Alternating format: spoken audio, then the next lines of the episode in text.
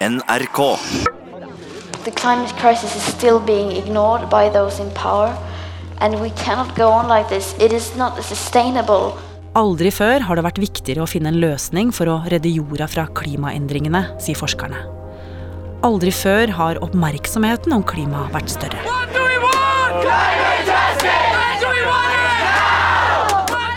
Derfor var forventningene høye i forkant av årets klimatoppmøte i Madrid.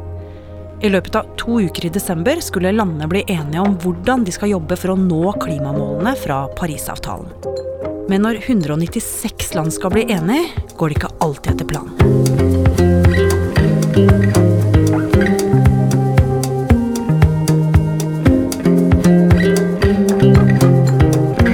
Hører på Oppdatert. Jeg heter Ragna Nordenborg. Altså, dette er jo et år hvor det har vært eh, enormt fokus på klimasaken. Det har vært svære skolestreiker over hele verden med Greta Thunberg i spissen. Eh, ekstremvær har skapt overskrifter over hele verden, og det har kommet flere alvorlige rapporter fra klimaforskere. Så jeg lurte jo veldig på hvilken innvirkning dette kommer til å ha på klimatoppmøtet. Milana Knesevic har jobba mye med klimajournalistikk i NRK, og kom akkurat hjem fra klimatoppmøtet i Madrid. Altså Dette toppmøtet er jo på et svært konferansesenter utenfor sentrum av Madrid. Det første du ser når du kommer dit, er en stor skjerm eh, på utsiden av bygget hvor det står eh, 'Time for action'. Altså nå er det på tide å handle. Så går man gjennom sikkerhetskontrollen, kommer inn der, eh, og det minner jo egentlig mest om en sånn karrieremesse fra videregående. Alle landene har eh, sine stands hvor de skal fortelle om seg selv og sine klimaplaner. Altså Norge jo, er jo med på den nordiske paviljongen som de deler med Danmark og Sverige. Og så rett ved siden av så har man India sin gigantiske paviljong, altså på størrelse med en håndballbane. De små øystatene eh, i Stillehavet deler jo en paviljong, og der er det ofte god stemning. De er folk som går i tradisjonelle klær og spiller tradisjonell musikk fra, fra øyene. Um, og allerede her så, så, begynner man jo å legge litt merke til eh, forskjellen altså, i maktforholdet mellom landene som er her. Hvordan da? Altså bare forskjellen i størrelsen på paviljongene, og at det er noen som må dele, mens andre har en gigantisk hjem for seg selv, det, det, det gir jo et bilde på hvordan det er i forhandlingene også. Hva konkret var det alle disse menneskene og disse landene skulle bli enige om? Altså det, et, det, har jo vært et klimatoppmøte hvert år siden 1992. De kalles COP. Nå er det COP25. Um, noen møter er jo viktigere enn andre. I 2015 for eksempel, så var det jo møter hvor de ble enige om Parisavtalen, og dette var virkelig en milepæl når det kommer til eh, klima. Euh, for da ble alle verdens land enige om at vi skulle begrense den globale oppvarmingen til maks to grader, men aller helst 1,5 grad. Men én altså, ting er å sette mål, en annen ting er å finne ut av hvordan det her skal, faktisk skal fungere i praksis. Så på toppmøtet i Polen i fjor så skulle verden da bli enige om en regelbok for Parisavtalen. F.eks. om regler for hvordan land skal melde inn sine mål om utslippskutt, og hvor mye de faktisk har kutta. Men de kom ikke helt i mål. Det var noen vanskelige temaer som de ikke ble enige om, som de måtte dytte videre til i år.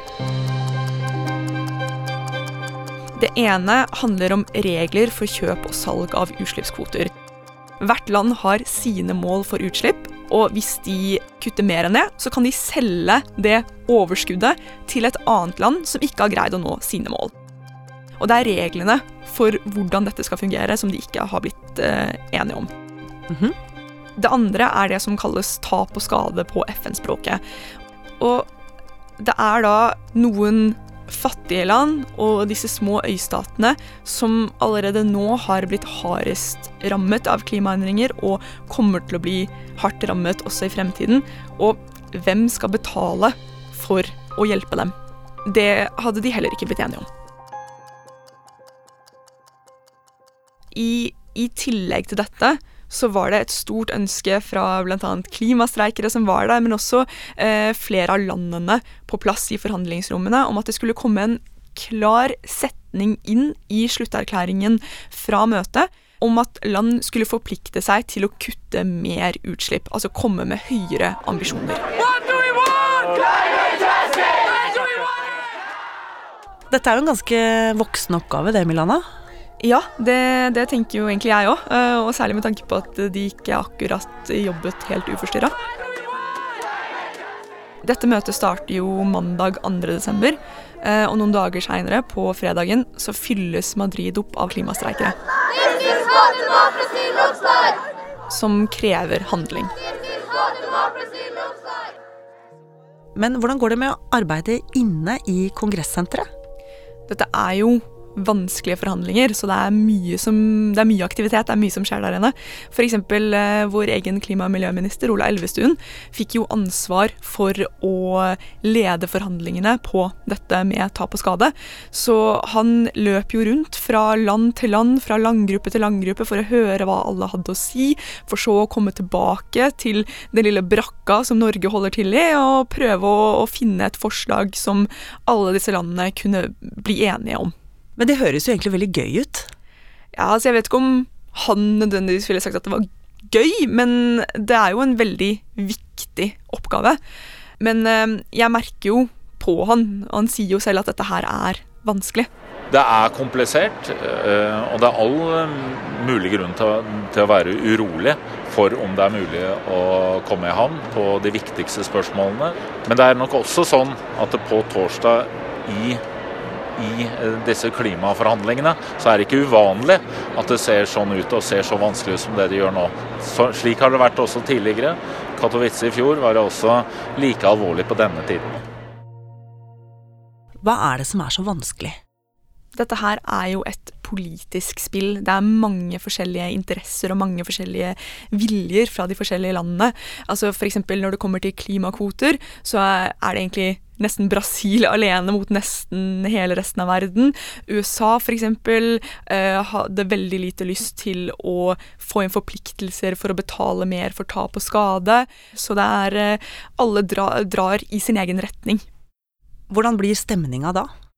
Altså, det blir jo veldig fastlåst. Det, det, blir jo veldig, veldig vanskelig. Mange hadde jo kanskje håpet at dette møtet skulle vise samarbeidsvilje, at hele verden står sammen mot denne store utfordringen som klimaendringen er. Men det viste seg jo at uh, det var jo en del land som var mer opptatt av å få frem sine egne interesser enn en andre. We were very clear in saying that we're comfortable with moving forward with a discussion on oceans, but we are not comfortable with having a further discussion on land. Milana, nå er vi jo godt inne i dette klimamøtet. Nå har det gått eh, over en uke. Ting virker ganske fastlåst på det du sier. Hva er det som skjer videre? Altså, Folk visste jo at dette her var eh, eh vanskelige temaer som de skulle bli enige om. Men det virker som det bare blir mer og mer fastlåst, og vi begynner å nærme oss fredag klokken seks, når det her egentlig skulle være over. Men så eh, går det utover natten på fredag. Lørdag morgen så kommer det et forslag da, fra det chilenske presidentskapet til en tekst, eh, en erklæring fra dette møtet. Og folk blir rasende. Skuffelsen er helt enorm. It's really not complex. We need to stop frying our planet. Hva er det i denne ordlyden som gjør at folk blir så forbanna?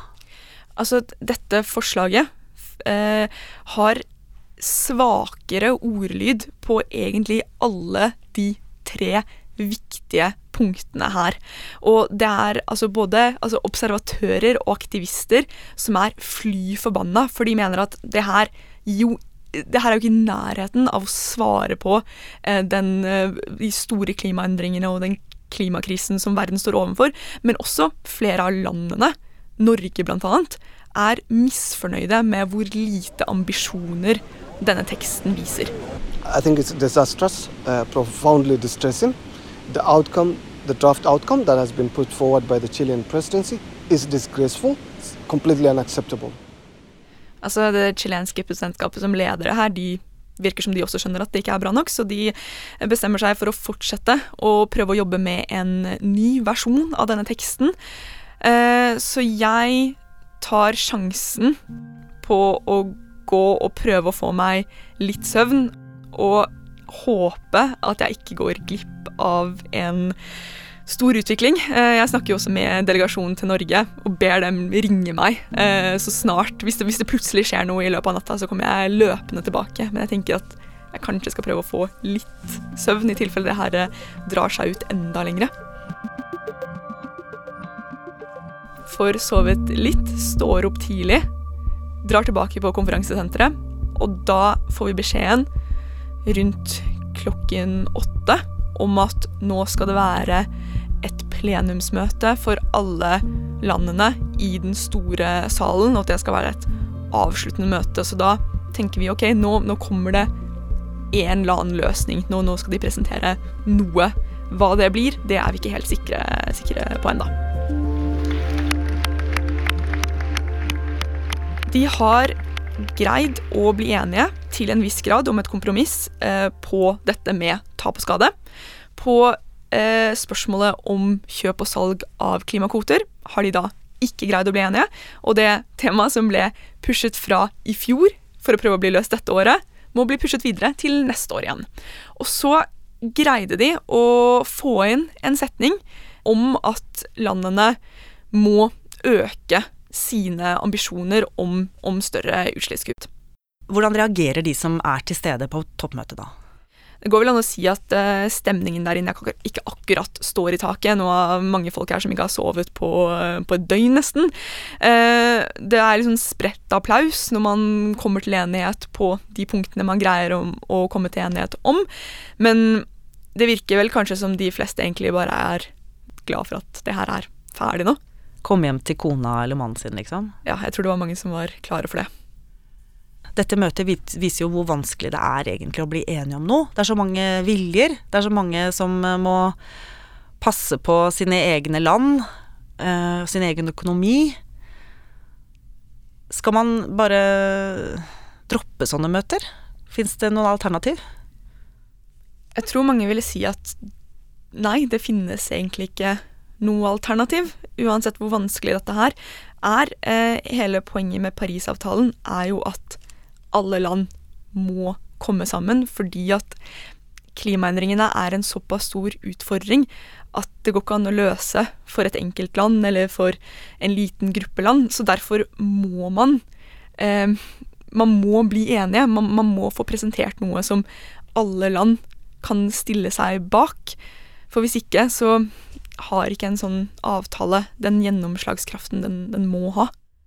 Det høres jo ganske mørkt ut. Ja, Altså, de som er skuffa nå, er utrolig skuffa. Men hvis man leter etter håp, så, så finnes jo det også her. Um, jeg kan jo trekke frem f.eks. den gruppa som kaller seg We Are Still In fra USA. Det er en gruppe stater, byer, bedrifter som sier at uansett hva Trump gjør, så skal vi jobbe for å kutte våre utslipp.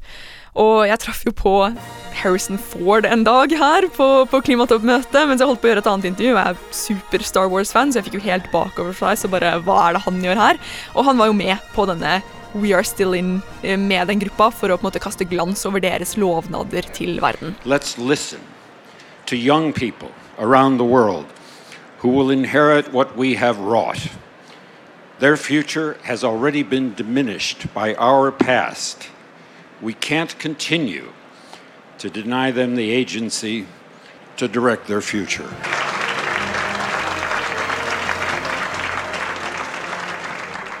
Jeg lurte jo veldig på før dette møtet om klimademonstrasjonene og det som har skjedd i år, kommer til å ha en innvirkning eh, på møtet. Og jeg er jo frista til å si nei, eh, at det hadde det ikke, når man ser på hva de faktisk kom frem til. Men det mange av skolestreikerne og forskerne og egentlig alle som følger med på klima, er virkelig spente på, er neste års møte i Glasgow.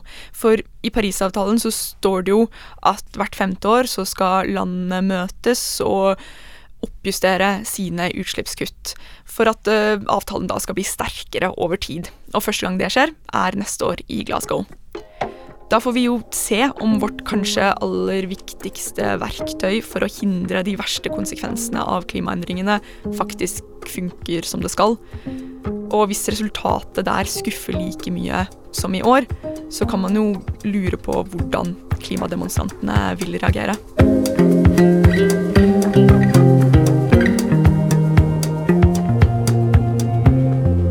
Oppdatert lages av Katrine Nybø, Jaran Ree Mikkelsen, Ida Tune Øretsland, Petter Sommer og meg, Ragna Nordenborg.